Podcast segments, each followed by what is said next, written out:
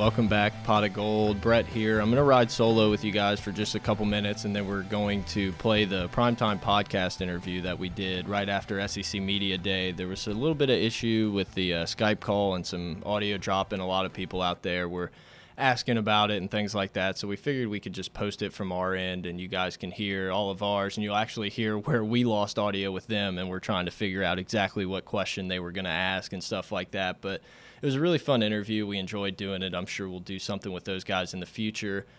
Uh, before I jump into that, uh, hit us up on Twitter, guys, at Pot of Gold. We'll be back in the studio tomorrow to record an interview with a special guest. If you follow us on Twitter, you probably already know who it is, but we'll keep it a little, you know, go check it out. Go see if you can figure out who we're going to do that with. But camp starting, guys. I mean, we'll, we'll be seeing dudes in pads in no time. So we're itching to get back in there, talk a lot of recruiting stuff, and, uh, just look forward to the next season. So I'm just going to pass you guys over, and here's our interview with Primetime Podcast.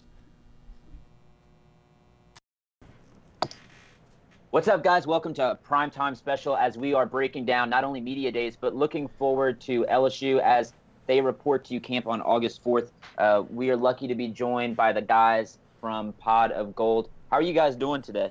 We're doing great, man. Yeah, what's up, man? Pot of Gold here. Well, uh, Schubert is here as well. Uh, so let's let's get into media days. I, I, think one of the biggest stories from the day was a different Ed Orgeron than we saw from last year. Uh, so if y'all want to just dive right into what y'all saw differently from the Ed Orgeron that talked for what I don't remember how long it was, like 20, 25 minutes, to an Ed that was more open, more of the Ed Orgeron that seemed comfortable this year. Yeah, of course. Brett here. Um, my biggest takeaway from the entire time listening to Ed Orgeron speak, it felt like he was telling everyone, like, I, I agree, I'm married to the Steve Ensminger deal. Like, that's my guy. I handpicked him. You know, I made a mistake with Matt Canada, but that wasn't really my choice. They wanted me to get somebody. And he kind of just kind of said, here it is, and it's on me if it fails. And uh, – we got the same car salesman we always get from Ed Orgeron, which is a good thing and a bad thing. It's like we're always going to hear the sunshine pumping. We're always going to hear that type of stuff. But I don't know, man. It's just I, I want to believe what he's selling me, but I'm just not positive. Well, well, you know, when he sneaks in, uh, he does have kind of a calculated way to him.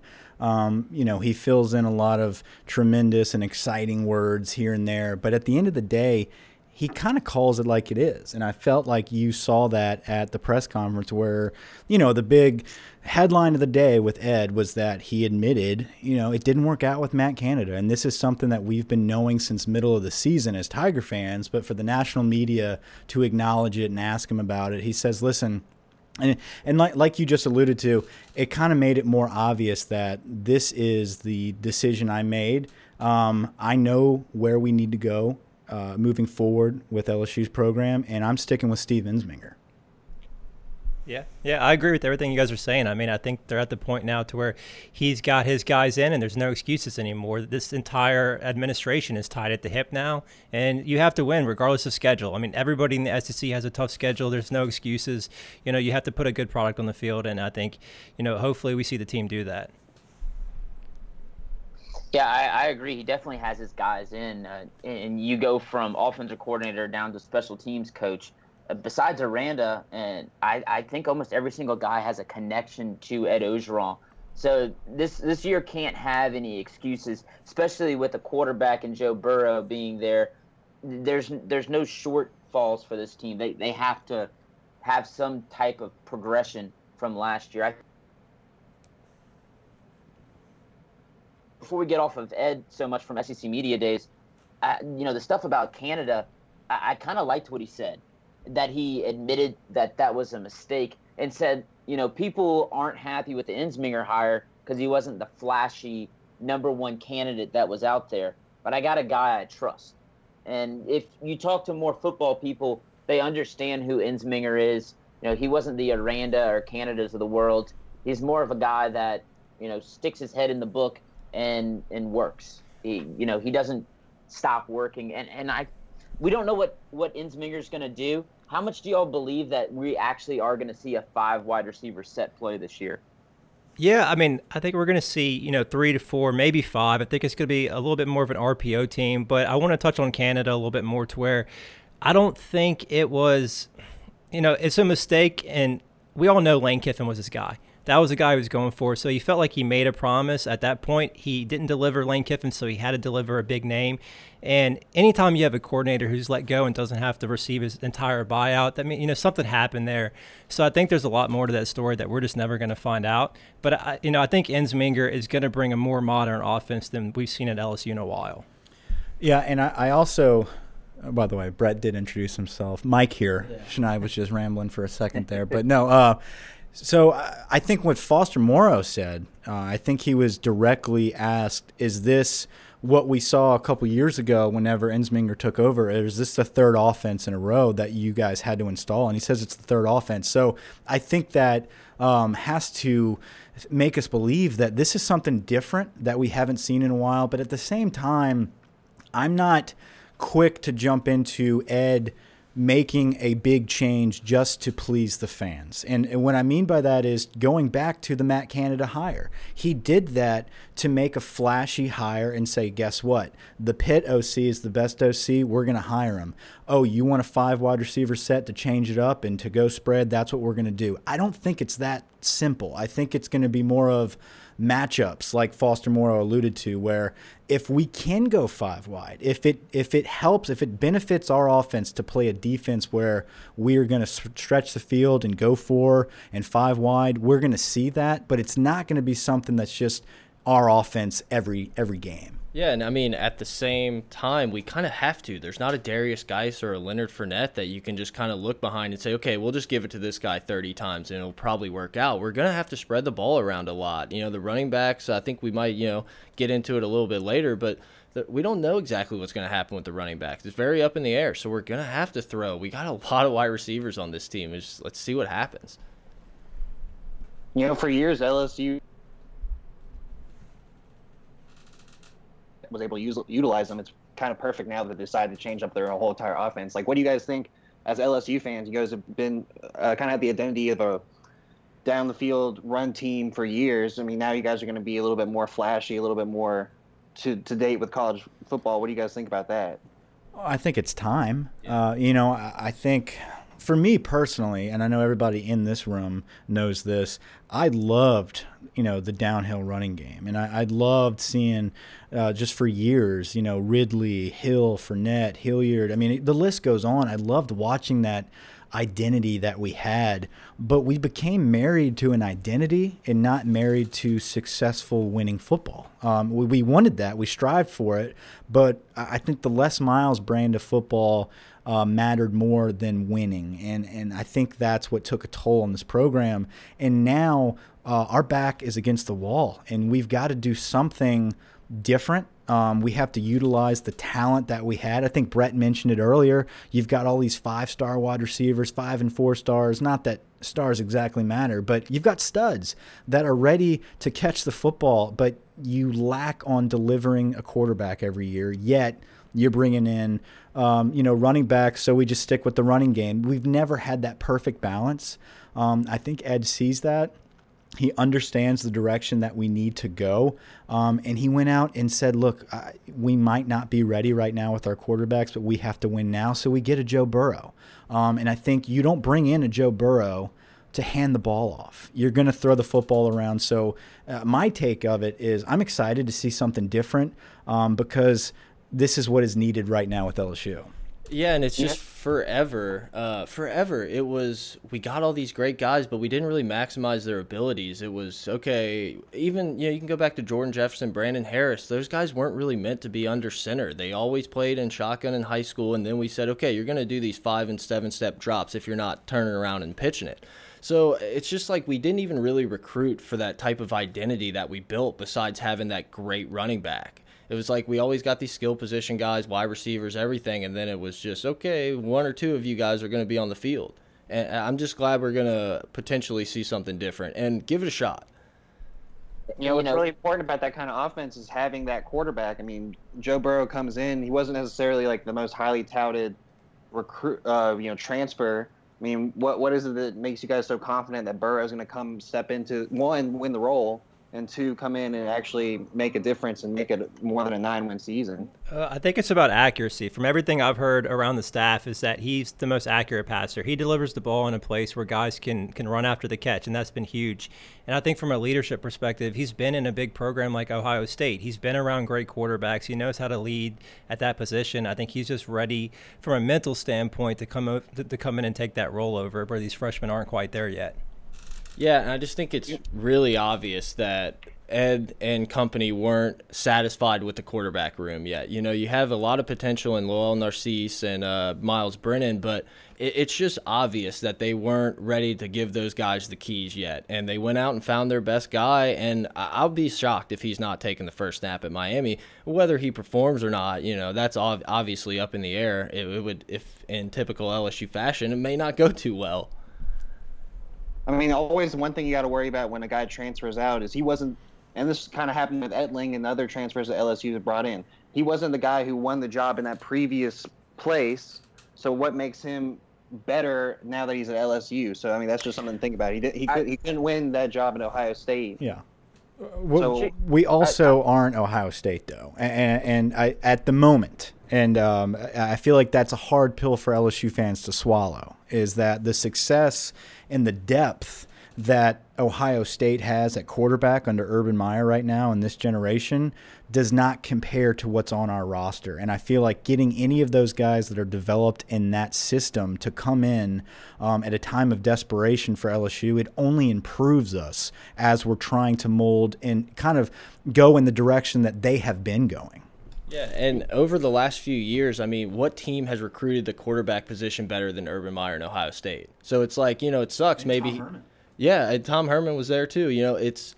I, don't know. I, I think he's going to be fine, and we'll see how it goes. But I, I just trust the Ohio State guy maybe a little bit more than the incoming freshmen and sophomores. Yeah, I think you can argue that he did win that job. Actually, if it wasn't for a wrist injury, he he takes those snaps instead of Haskins, and he he may not give that job up. So, you know, it's just an unfortunate circumstance with that injury, and, and they just kind of rode the hot hand at that point. But you know, a lot of the fans around their program wanted Joe Burrow to take that job.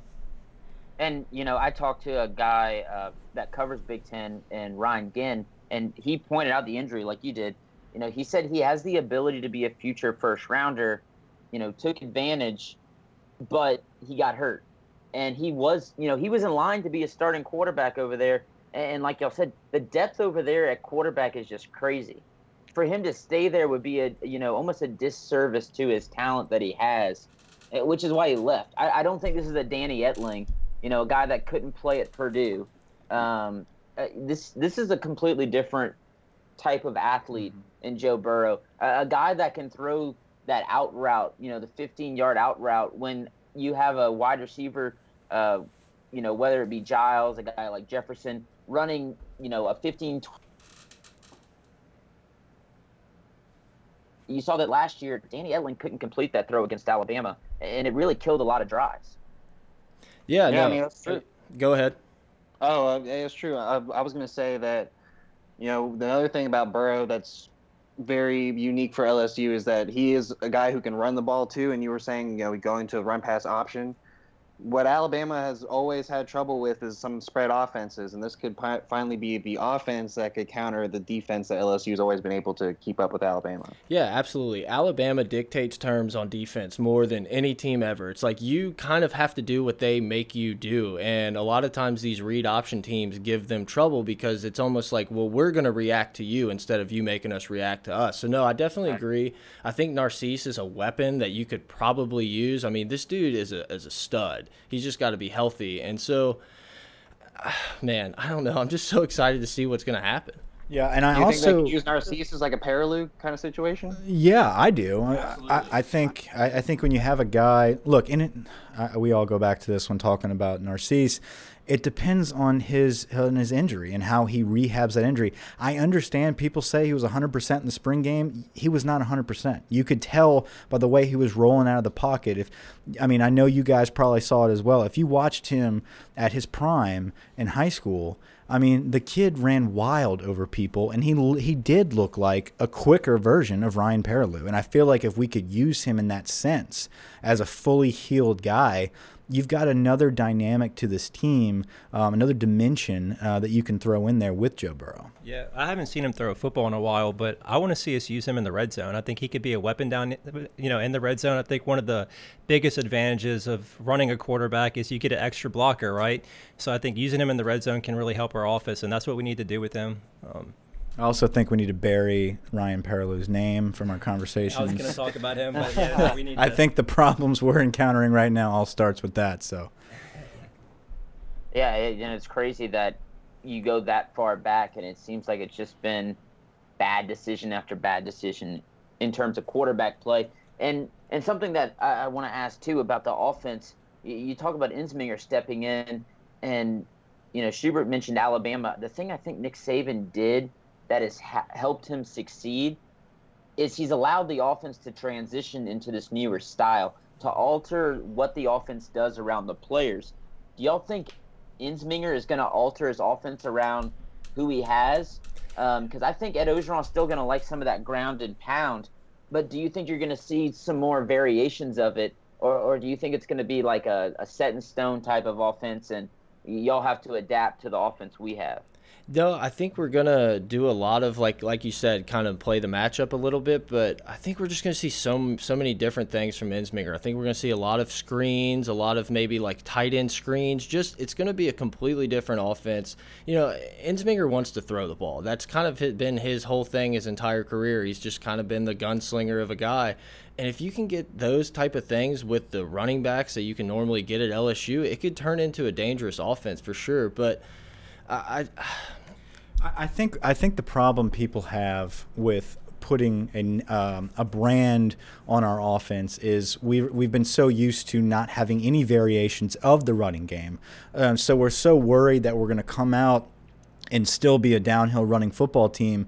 But if you were able to actually accomplish that that spread system, but at the same time be able to run the football, you have a different dimension that many of these teams that are running these RPOs um, don't have. They don't have a Tory Carter or a Foster Moreau um, going downhill, busting holes and, and, and getting that one or two yards where the other teams have to run a screen or a quick pass or a quick slant for that whenever you don't have to rely on that now moving forward, I think it just helps us out. I don't, I don't want to totally go away from that. So if Ed does come out in some of these games and we're running downhill with Helaire or even uh, a newcomer in Chris Curry who is a downhill back, um, more power to him if that is what's successful. And I feel like uh, we're at that point, and Ed is at that point already um, in his career where you've got to do what's successful, and the minute that's not working, you've got to move on. I don't think he's going to be set in stone with anything permanent. It's going to be whatever works that week.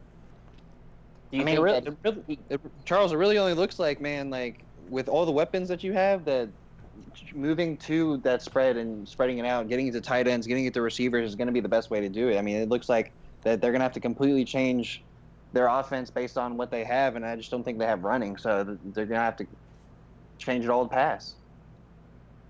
Well, you know, I, you know, I, I pose this question to everyone: is that I think this offensive line is is underrated. Uh, I know the yeah. spring game they didn't look the best. I know guys weren't playing, but going into the season on paper, looking at experience, looking at the size, you actually have tackles that are playing tackle right now. Yeah.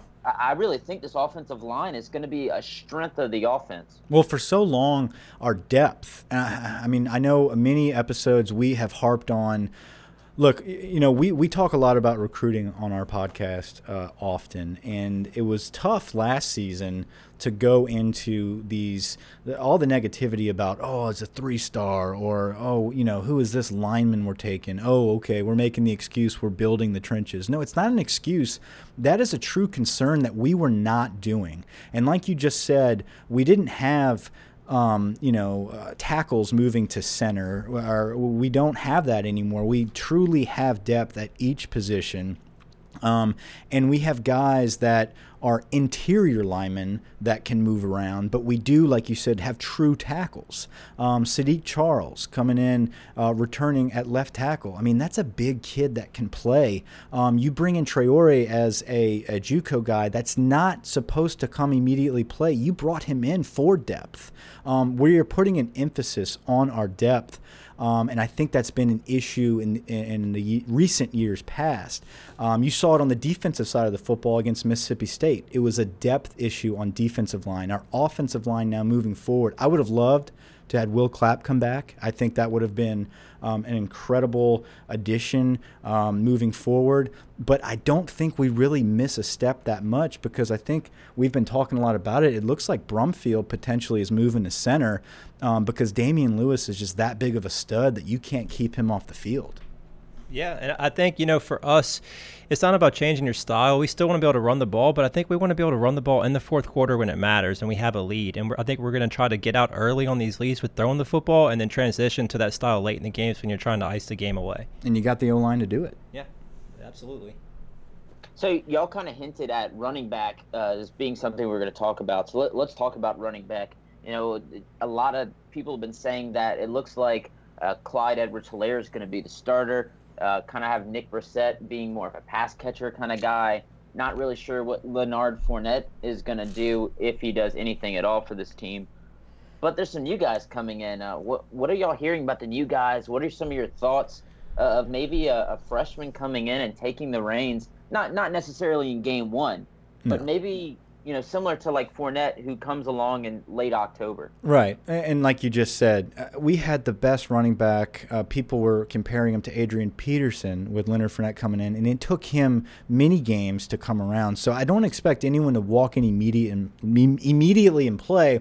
Um, like you said, you got Clyde Edwards-Helaire, who is going to be the starter in my opinion. You've got Brossette, Fournette possibly, and then you got Marshawn Lynch. Uh, I mean Chris Curry, who's coming in, uh, who who draws He got number 24 too. He does have 24. Um, and you got Provens as well. But um, I, I, think we talked about it before where you might see a lot of more split backfields where you've got multiple running backs. So you've got a guy like Helaire and Brossette, but you also have Curry and Provens that can jump in there, and they both bring different dynamics to the field. Um, You got something? Yeah, no, I think to start the season, we're going to see a lot of like formation specific backs, and guys are going to have a little bit of a specialty. And as the season goes on and these guys get more reps, they're going to kind of figure out who their guy is. And I think I honestly think the same thing's going to happen with wide receivers. We got so many wide receivers that these guys like Ja'Marr Chase and Terrace Marshall, these guys have to crack crack in the starting lineup at some point. But I think it's just going to be a lot of competition in the first few weeks, and the guy who performs is going to end up being our guy for the year. Yeah, I think by the end of the season, it's going to be Helaire and Curry. I, think at the end of the year, you're going to have those two guys as your one-two punch. Um, you know, Curry coming on late. People don't talk about Clyde Edwards-Helaire enough, and and it's because he's been overshadowed, and he was overshadowed at Catholic uh, when Darius Guice was there playing with him in high school. Uh, but Guice always talked about that's mini me. Here's a guy that's thick. He's low to the ground. He's got a great burst. I mean, the guy was burning people in the Superdome back in high school. He was the kick return man, breaking plays. He he just needs his opportunity, and we're going to see it this year. Um, he's not going to be as great as we're used to, but he is not going to be a big step down. I think. I think a comparison. It's almost like you're entering the season with um, maybe like a Terrence Magee as your starter, but with a little more promise, a little more wiggle there.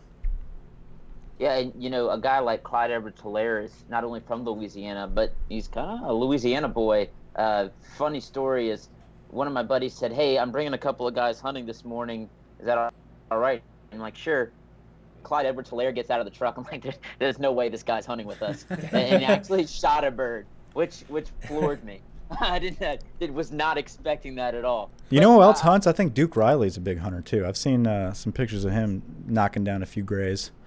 I, I could see that. Uh, you know, being a Curtis boy and some of those Curtis boys he played with, wanting to take him down to like the Biloxi Marsh or something. Mm-hmm. But I, I, I, agree with everything y'all are saying with uh, Clyde Edwards Helaire.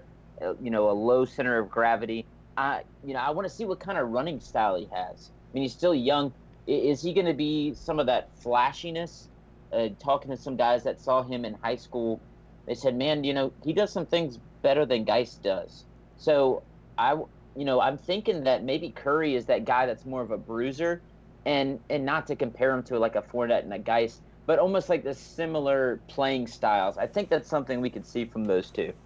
Yeah, I think his biggest attribute right now is that he's going to add something in the passing game. I think he's somebody that's really good in the screen game, and he's a small guy. He hides behind those big linemen, and he can break out some big plays there. So, you know, I definitely think early season on, he, he's just he's got a, a, specific role with the team where he's kind of your your wiggle back, and then Curry's going to be your downhill guy. I don't think you're going to see him. I, you know, I think that I think his running style is going to be a blur for a little bit because um, he's going to be hidden from the defense, and then you're just going to see him bust through the line. I don't know if he's going to be the burner um, that he was uh, in high school, just because I think he's gained some weight and he he's hard to bring down. I think he's a guy that you're not going to you're, you're really going to see push the pile and break some tackles um, and, and just, just be a solid every down type of back. Um, nothing too flashy, though. And like you said, I think Chris Curry is going to be the guy that comes in and is just one cut downhill, puts his helmet down, kind of like a Spencer Ware early in his career. And who knows, he may steal a golf cart if we upset Georgia or Alabama at home and I think the fans would go crazy. Wouldn't mind seeing that. Yeah. Yeah, I'm uh, down. That, that would be the best meme at LSU ever. Yeah. Uh, for sure. But what do y'all think about tight end? Uh, it's a position that we've seen used in some aspects. You have a guy like Thaddeus Moss who's coming off of his um, the, his year he had to sit out due to um, transferring, and, and, a guy like Foster Moreau. Do you think that we're going to see some passing aspects from the tight end in an Ensminger offense, or are they going to be more of the typical blocking type of tight end? No, I think we're going to definitely see more of like the true tight end. You got Foster who can block a little bit more. Thad Moss maybe will split out a little bit, but I think we're going to definitely see him utilized. And if we were doing this recording maybe three hours earlier, uh, me and Mike and Shy would probably be pumping. Uh, Jamal Pettigrew's name a lot, but we just got some bad news that he tore his ACL and is going to miss the season. But I think we got a lot of bodies at tight end, and we're it's going to be the same thing. The cream's going to rise, and that guy's going to take over. And even Ensminger said we're looking at a lot of two tight end sets and some stuff too. So it's obvious that they think it's at least not a detriment. It's maybe not a strength, but we got some guys. I don't think. I, I think long. I don't know if you're going to see the typical like you were talking about, oh man, we got DeSean Smith. We signed that big stud from Barbe. Oh, JaCorey Washington's on the team now. Oh, we're finally going to throw the ball. Oh, nope, there goes Dillon Gordon. You know, like you, you I don't think those days are going to come back. I think it's, um, I think we got Moss for a reason, um, and I, I think we've got Pettigrew for a reason. Unfortunately, he's got an injury but I think that only creates more opportunity for Moss. And I think Moreau is not just a blocker. Foster Moreau is a guy that can that has every year he's been in the game his play has evolved. He has progressed into a more dynamic all-around tight end, and I think you you bring in a freshman like Zach Schaefer or Sheffer. I'm not sure exactly how you pronounce his name, um, but but looking at his highlights um, out in high school in Florida, I believe he played at the same high school as Tebow. I think it was Nease. Um, but uh, his offense was so dynamic that he was running, um, you know, quick shovel passes. He was catching balls in the back of the end zone, and he was a dynamic blocker. Um, so I, you've got multiple levels to our tight ends. I, I think long uh, are, are the days, long gone are the days that you just have a blocking tight end. Well, tr- before we transfer over to defense, a guy that's going to be scoring some points, hopefully, is a guy in Cole Tracy. Um, I know Mike touched on it whenever he joined me in our last episode, and he said that you can't have a field goal kicker go out and miss field goals that are for sure field goals. A guy missing extra points. If Cole Tracy is a consistent kicker, how vital of a weapon is that for this offense? It's huge. It is absolutely huge. And and before we actually recorded, we talked about that as well. Uh, the week before, we did an episode. Where we said, what, what is the our breakout player? Somebody that um, that is somebody that we can count on very heavily this year. That's new to the team. And none of us mentioned Cole Tracy, and, and we, we went home that night. I think we all started texting. We're like, guys, Cole Tracy. Like, holy cow, here's a guy um, that can just boom and make these big field goals. And we have not had that in, in a couple years now. And that we took it for granted. And, you know, that's that make that makes or breaks games. We've been doing these rewind segments, and you look back in, in critical years like uh, in 04, 06, even our championship year in 03, there were games that were won by one point. There were games that were lost by a, a simple extra point we take those plays for granted. And, and Ed went out and got the best available kicker that can come in immediately and make a, a change to this program. I think that's enormous. Yeah, I think if we see a 50 yard field goal as LSU fans this year, um, the everyday fan won't be as excited. But I think people that are bought in, that understand this program, are going to be ecstatic because I know I will. I'm not sure about y'all, but yeah, I mean, I, I just want to see you make an extra point because I got nervous, you know, last year watching extra points. Uh, uh, for sure, and, and, you look at it, you know, having a guy transfer um, like LSU had, uh, it was Colby Delahoussaye that transferred, right? Right. You know, having a guy like that transfer, it really hurt the depth at kicker, and so you saw Ed just not know what to do. Yeah, you know, forever, forever, special teams has been such a strength of the LSU team, and in the last few years, it seems like it's really taken a nosedive to where we can't even find a guy who can kick off and keep it in bounds. And so, it's nice to see once again. You know, we talk about it a lot. You can say what you want about Ed Orgeron, but he identifies needs and he goes all out to get them. Whether it works out or not, that's up in the air. But he he he identifies it and he attacks it and gets the guy, just like Burrow, just like Cole Tracy, even guys like Braden Fehoko that we'll talk about, I'm sure, coming up. He, he's just done a really good job of trying to plug the holes, and hopefully it works out for us. You know, towards the end of his time at LSU was there would be holes and he just wouldn't address them. We talked about tackle. We, you know, we're about to talk about the defense. The defensive line. Last year, you had Christian LaCouture play every snap for a game. That, that just can't happen in the SEC. And when you've had good championship teams at LSU, you've seen depth not only on the offensive line but the defensive line as well. So let's transition to the defense in the front seven, which I think is very underrated in terms of the SEC as a whole. I people may not know who Braden Fehoko is, but from what we've heard from practice, I think they're going to figure out who he is, along with Rashard Lawrence, who I haven't seen given the recognition that I think he deserves on that defensive line going into the season. Uh, uh before we get to the linebackers, I, I know we all want to talk about Devin White, just the front guys, you know, the big guys in the trenches. What can we expect from LSU this year? Um, and who are some guys that are going to stand out? Yeah, I mean, Fehoko is a guy that if he lives up to just a little bit of the hype that's been going around with him, him and Lawrence on the line is going to be like a Dorsey, Jackson, Ricky Jean-Francois type of team. Like it's that talented up at the front. And I mean, I, I know Schneid is going to want to jump in on these D line guys, but he, he really is. is a guy that, that can really make an impact. And Rashard Lawrence maybe isn't getting the love just because he's had those little bit of nagging injuries. I feel like it's already two years in, going into the third year, and we just haven't really ever seen this dude at 100%, and he's still been really good for us when he plays. Yeah, I'm really excited about Fehoko. I think, you know, he's probably, you know, one of your strongest guys on the team. I think you're not going to see him on the stat sheet as much. He's going to be a guy that takes up two or three guys on the line and is freeing up a Devin White. But it's about depth. We have plenty of depth now. You know, we have him, and Lawrence is probably our best D lineman. You have Ed Alexander at nose tackle, who a lot of people are saying is in the best the best shape of his of his career so far. I mean, we got guys now. You got Tyler Shelvin, who's going to be able to give you 15 to 20 snaps a game. He's not in the best shape right now, but he's going to be all out, going 100% when he's in the game. And, and Glenn Logan's the guy who's coming on. He's got some versatility to where he can play inside or outside on the line. And another guy is Neil Farrell. I think he's a guy who's really overlooked, but he's going to contribute too. I think he gave some good snaps last year. He just wasn't quite ready, but got thrusted in there with the depth issues. I'm just, I think we finally got enough guys to play in the SEC now. And, and you know something that Orgeron said. Uh, I'm not. Sh- I, I think it was Orgeron himself on the radio a couple of weeks ago. Said Glenn Logan is competing for a starting job. Yeah, and he's been stepping to think up. about that that much depth on the defensive line after what you had last year, it, it's exciting to know that there's that much depth up the, uh, in the front in the trenches on the defensive side. Yeah, you have to have it because it's like you said, you can't have a guy play all the snaps in the SEC. It's just too physical. You're not going to do well. We saw in the Mississippi State game; it killed us. And now I just I don't think that's going to be the issue. He's put a huge emphasis on recruiting the D line, and I think this is the first season that you really see it pay off.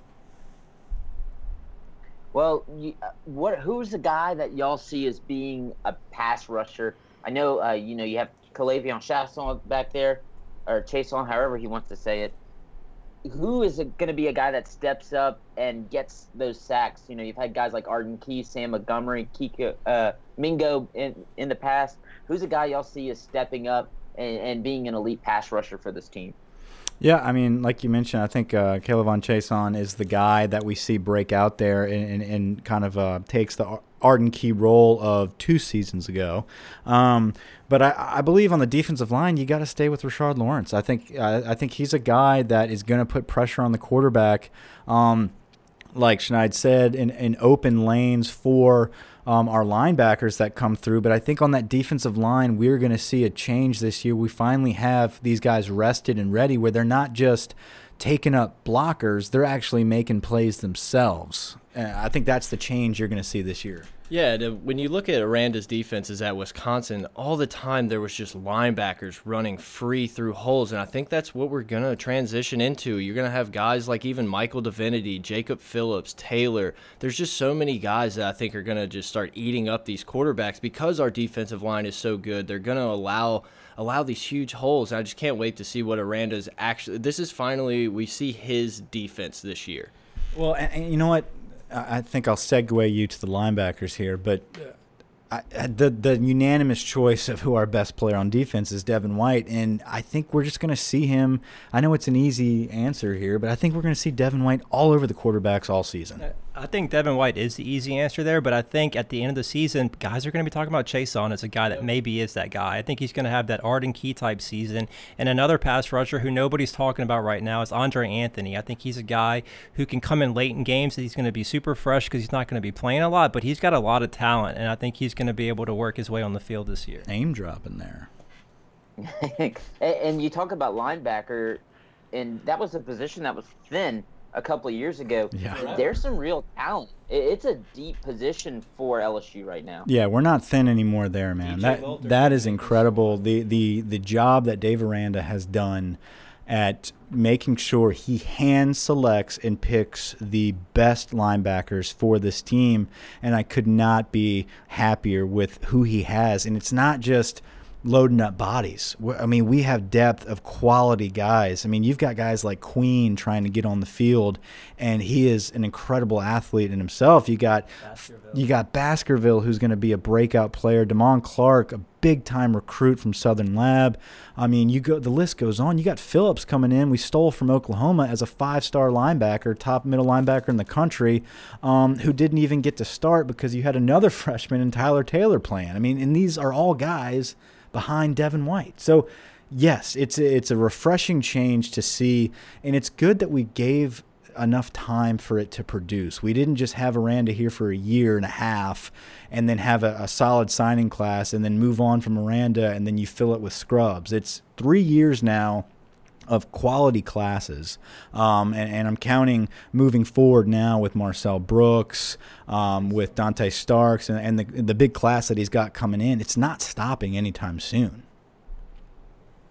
Yeah, I mean, linebackers turning into a strength. And you think about good LSU defenses, the linebackers have been some of the fastest players on the field. I, I don't know about y'all, but I, I think that is the case here. I think these guys can cover sideline to sideline with ease.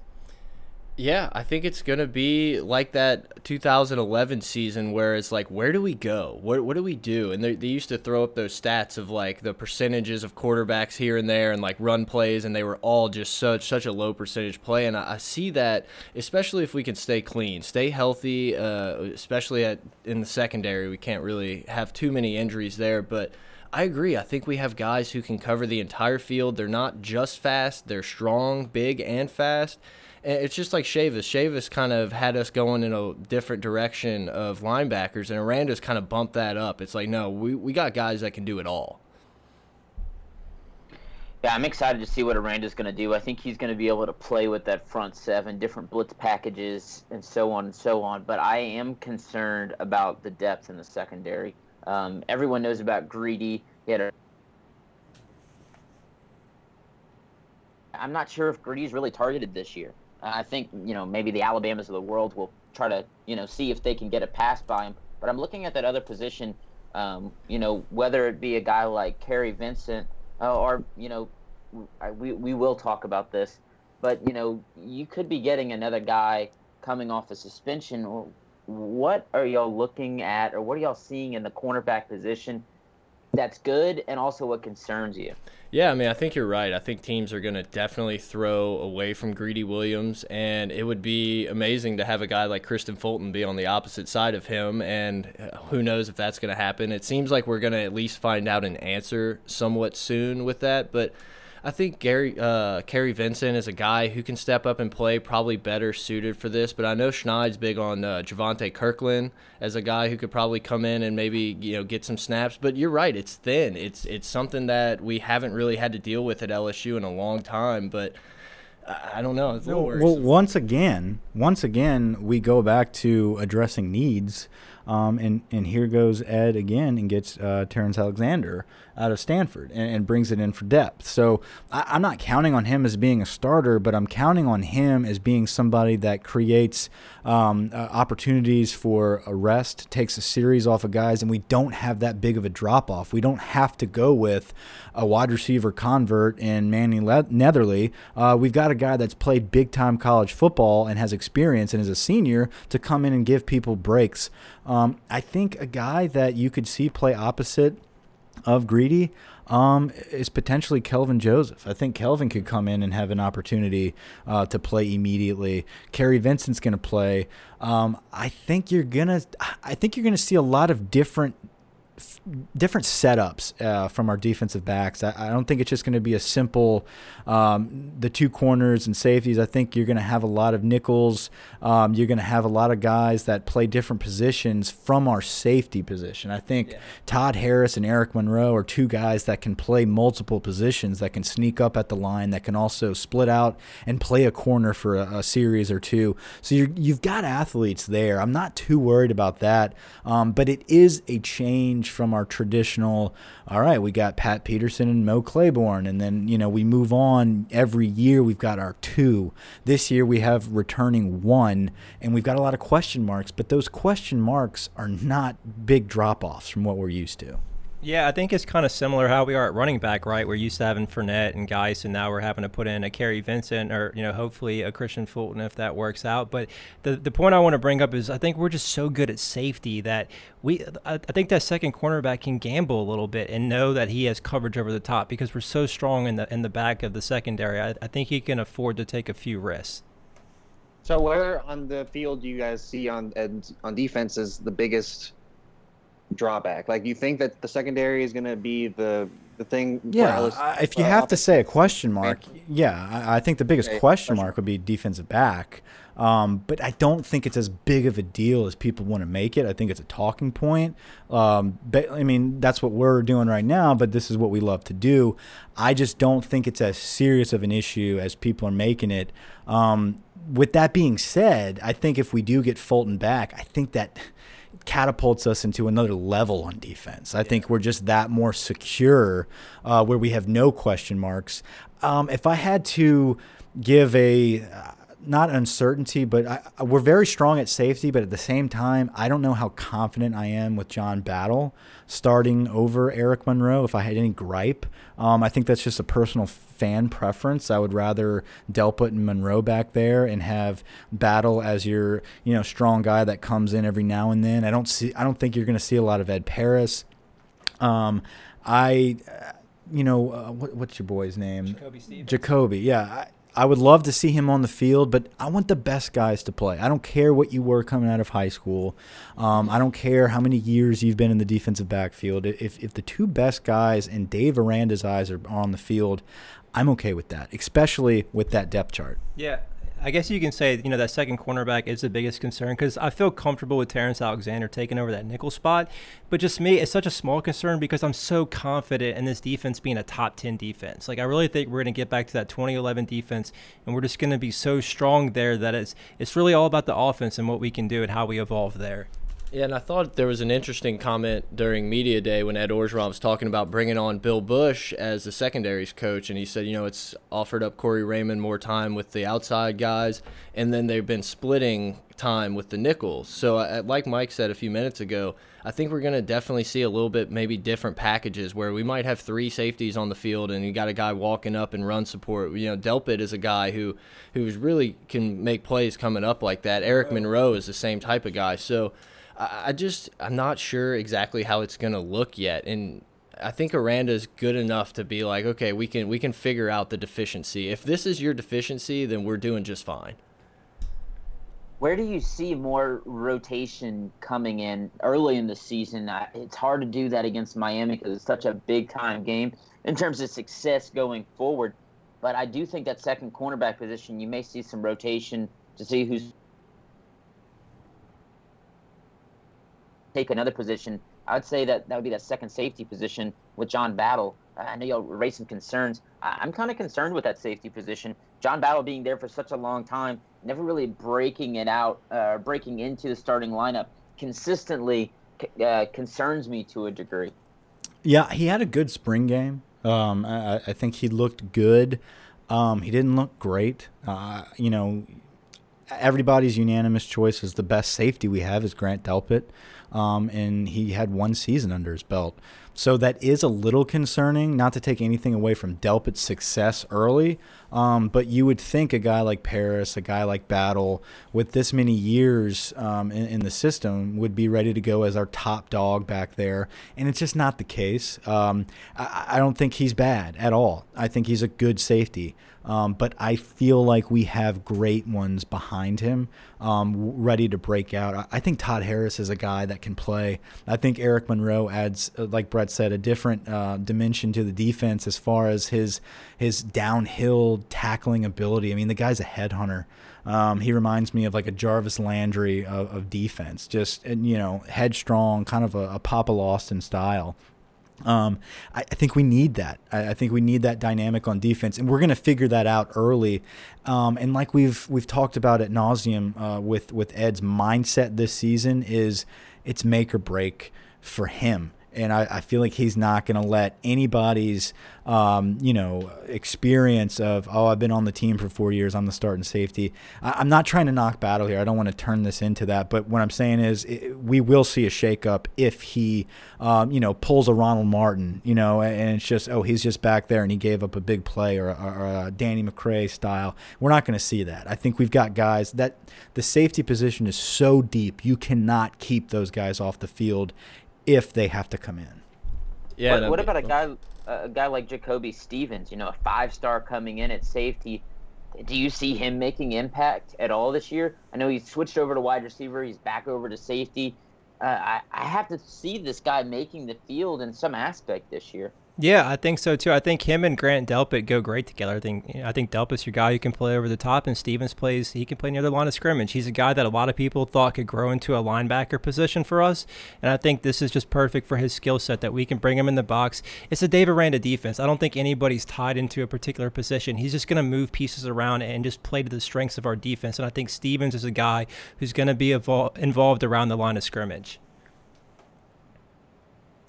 Well, I, am excited to see the defense. I'm excited to see what Dave Aranda does going into yet another year of experienced players, having linebackers.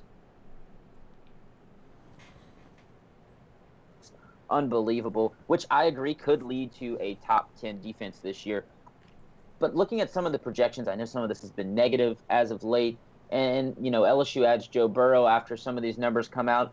And, and Phil Steele points out that LSU is number 129 on experience. So I think some of that translates to the win projections being low.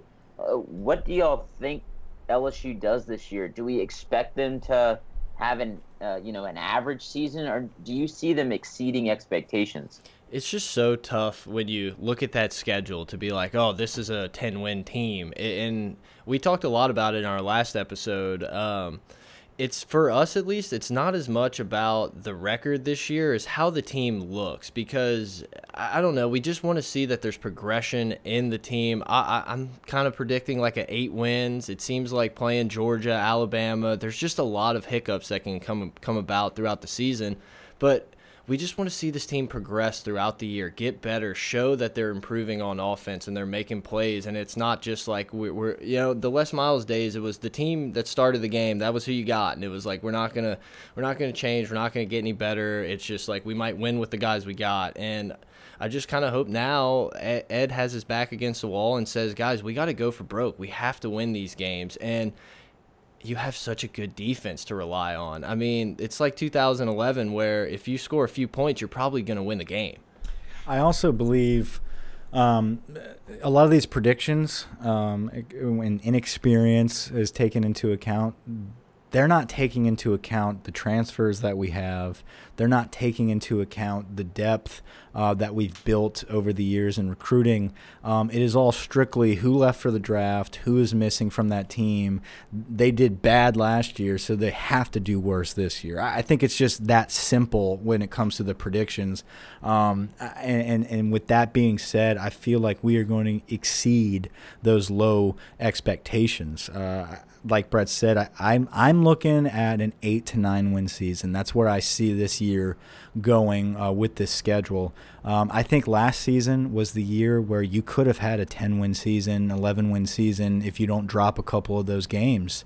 Um, uh, you know, Troy, Mississippi State, this, that, and the other. But um, you know that's in the past moving forward i think we've learned from our mistakes and eh, unfortunately we have a gauntlet of a schedule um, but i feel like it's not going to be as bad as people are talking about. I think i think the schedule is hyped up a little too much.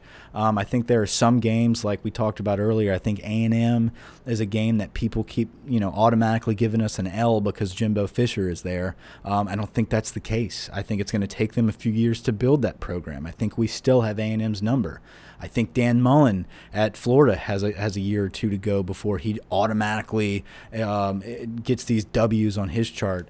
Um, and, and I also believe Mississippi State is a game that people are automatically chalking up as we're as a loss for us, and I think that's just not fair, and that's not the case. Um, the big dogs, of course, Miami, Auburn, Georgia, Alabama, absolutely. That's going to be tough, tough football games, and we have to win some of those. We have to win some of those, and I, I think we have a chance to do that. I, I, think it's an eight to nine win season, and uh, you know I, I'm anxious to see what happens. There's a lot of unknowns. Schneid, what do you think? Yeah, I think you know a lot of the national media has us at six or seven wins, so I think predicting an eight or nine win season is aggressive in their minds. But I really think that we have the team that can get that done.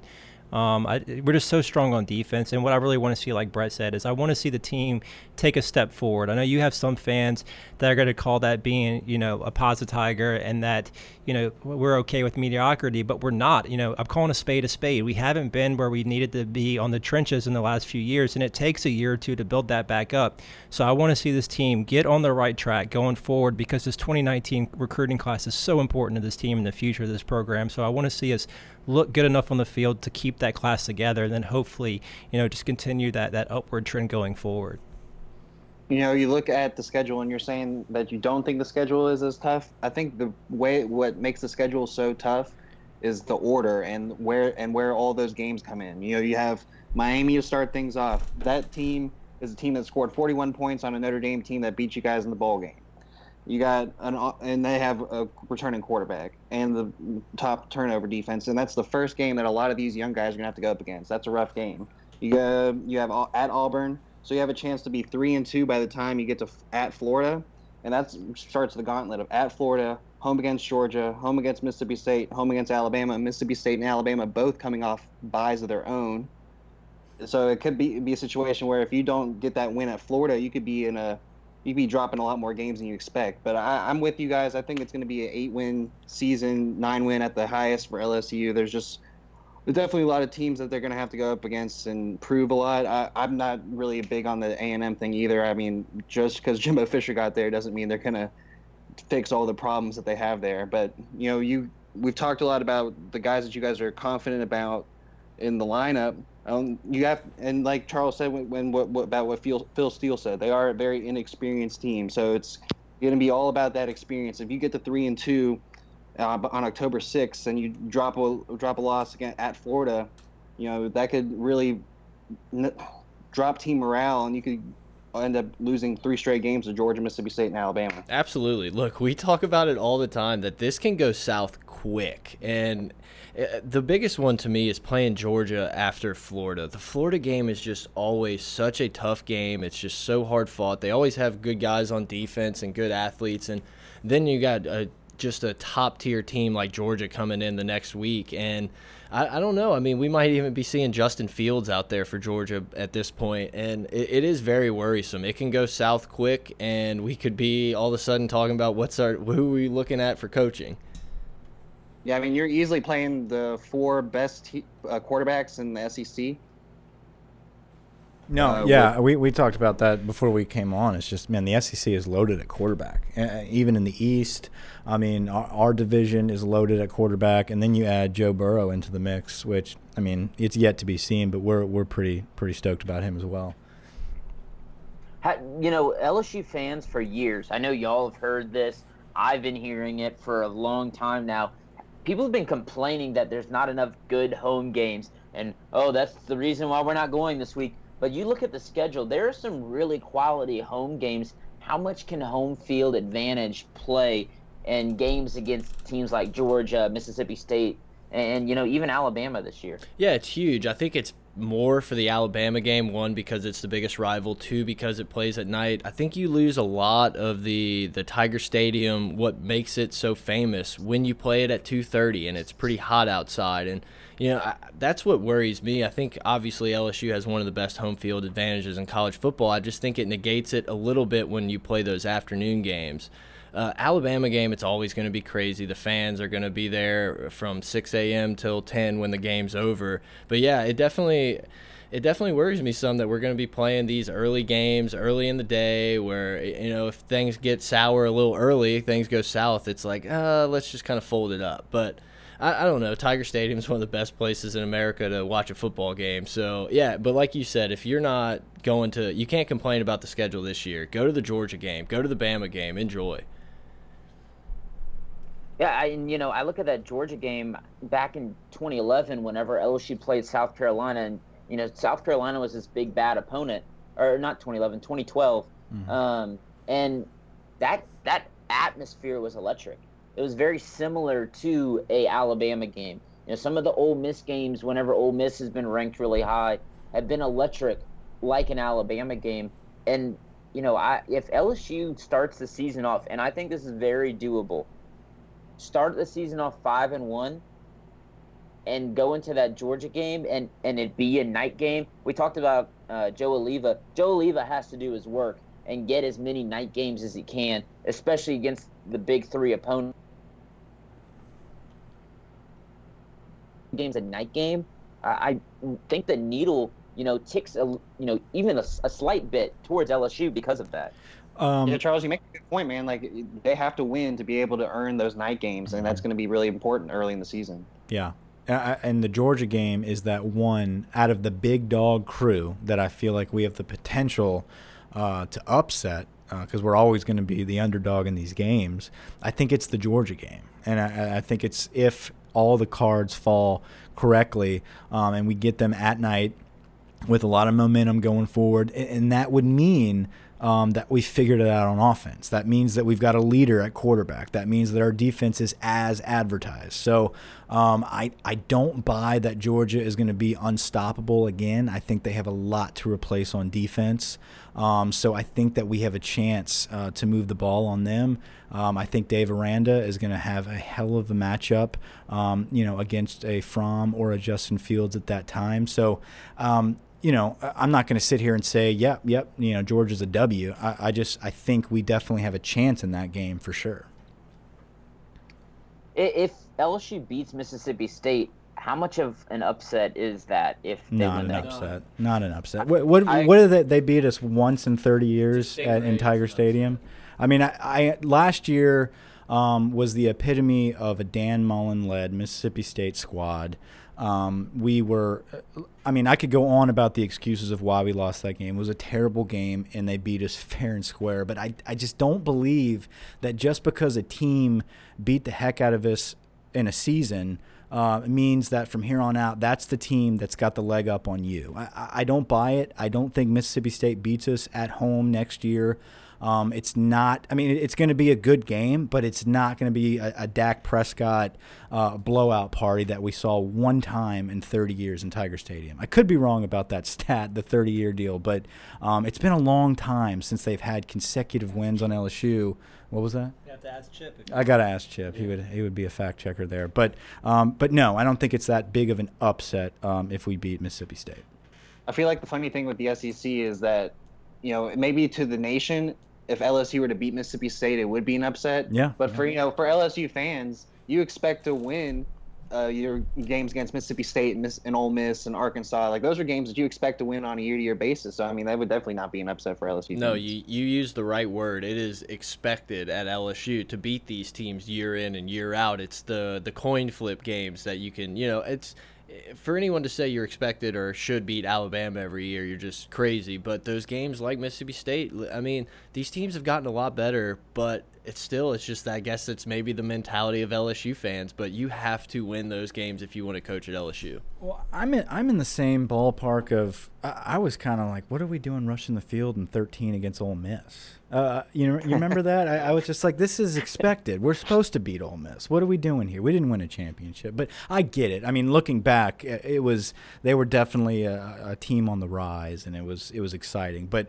uh, just to bring parallels to that, it, it's I'm not the type of guy that would ever sit back and say any beating any of these schools is an upset. Well, I guess I was one of those idiots that did rush the field, but I was. Look, if I would have been there, I probably would have done it as well. But I still was questioning, what are we doing? Look, I was I was in the student section. I just turned 21 the day before, and people started going. I was going. Yeah. there was no stopping me.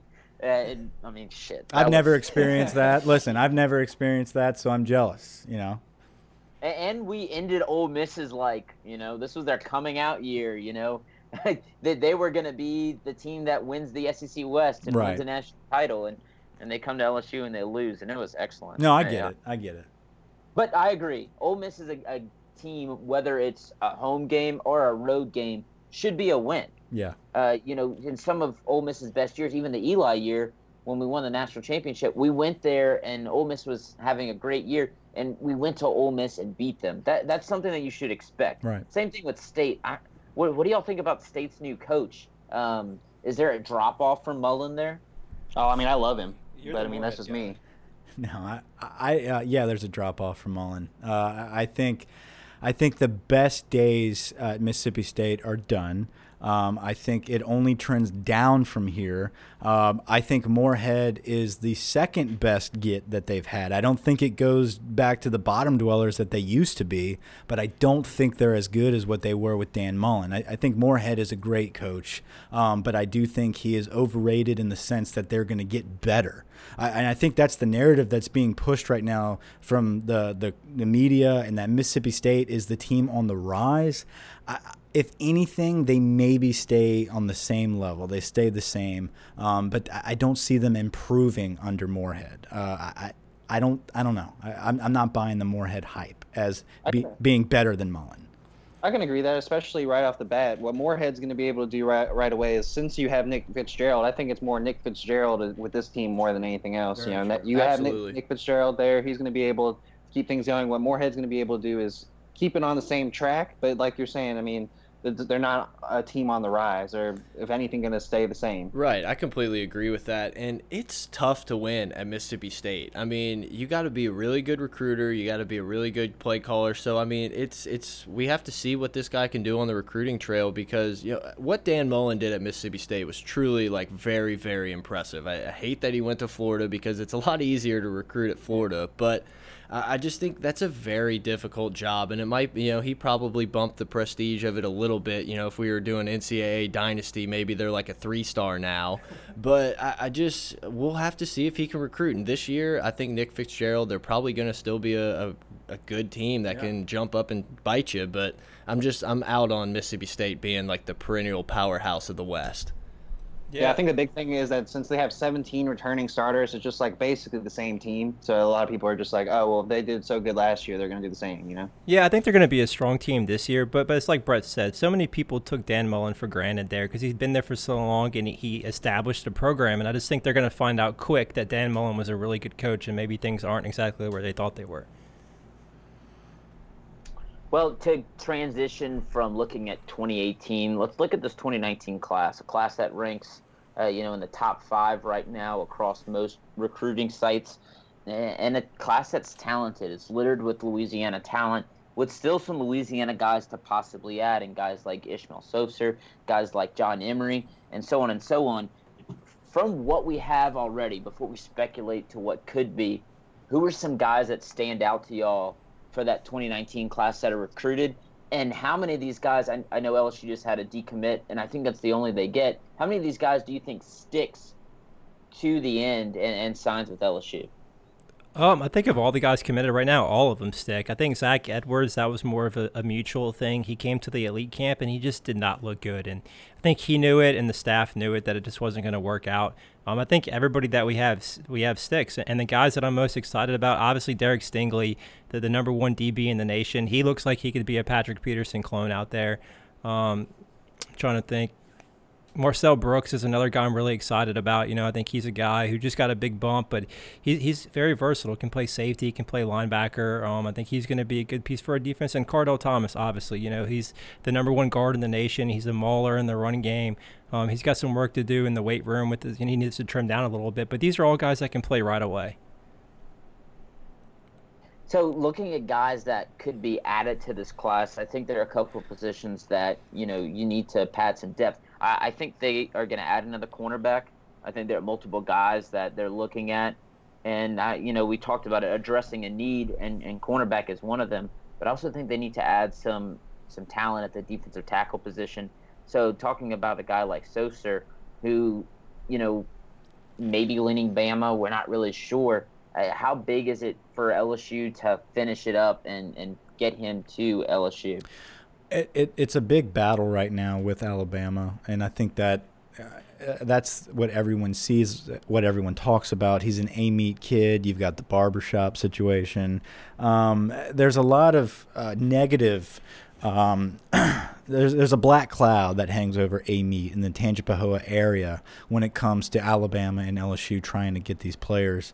Um, if Ed is able to keep Ishmael Sopsher uh, uh, in Louisiana and, and go to LSU at a position that he coaches, um, that he's been recruiting this kid at for years. Uh, it's big, and it, it's not just Kardell Thomas on the offensive line. You've got the stud on the defensive line as well. And I, I, think that just bodes well for not just our team, but the perception to other recruits that you were able to get this kid that was, you know, from from the outside looking in, immediately an Alabama lock, just because he's an Amite defensive tackle um, who is not really, um, you know, vocal about wanting to go to LSU. So automatically, it's an Alabama deal. Um, he tried to play the game early, saying Alabama's not in his top ten and, and all that stuff. But it's Alabama and LSU, and I think A and M is also kind of tinkering in there as well. But it's going to come down to Ed versus Nick, and at the end of the day, I, I, think it just depends on how well we play on defense and how hard we recruit that kid. Um, I think it would go a long way. I think another guy from that parish uh, that we need is Trey Palmer at wide receiver from Kentwood. Um, I think if if we can get him on board, I think it would help out with those Amite kids as well. Yeah, I wanted to touch on Sopsher a little bit more too. I just I think he's a guy that you know a lot of people are really high on, and I think he has huge potential. And I definitely want LSU to land this guy, but I I, I think there's he's a project there. I think Ed would need to do some work with him. I think he's got all the talent in the world, but I see a lot of Chris Davenport qualities too, where he, he may not like I don't always see him give the effort that you would want to see from from a recruit with his ranking. So I have I have some concerns about him, but obviously from a from a potential standpoint, he's the best D lineman out there. I think. Do y'all think that this class finishes top five? And give me a guy you think is is maybe a surprise um, that commits to LSU. Um, well, yeah, I think it definitely finishes top five. Um, as far as surprises, I don't really see too many out there. I guess you could say Noah Cain would maybe be a surprise because he's not a Louisiana guy, but so many of the guys left on the board are Louisiana guys. So I feel like we got our surprise in a Marcel Brooks or, you know, a guy from outside of the state or, or Bradford, the guy from up in Michigan. I think we kind of got those guys out of the way. And now the, the focus turns on, you know, Louisiana and keeping the guys in state. I'm going to sell hope here and, um, in a fantasy dream.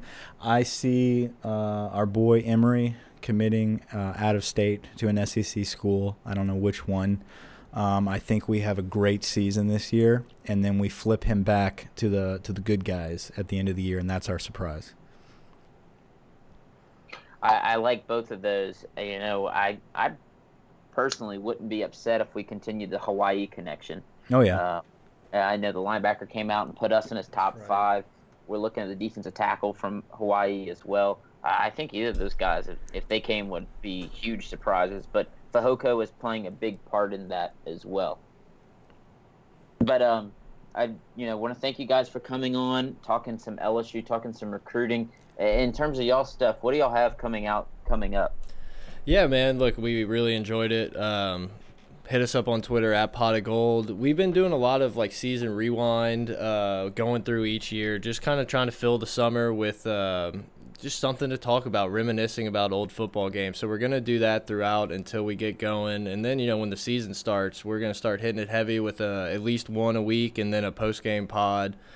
Um, I don't know what what else are we doing, Mike. No, I mean that's that's really what we do is we, we focus on uh, during the season. We're going to do a kind of like a pregame pod during the week, and then a postgame after. Uh, we try to get it as close to after the game as possible. We're trying to line up some interviews.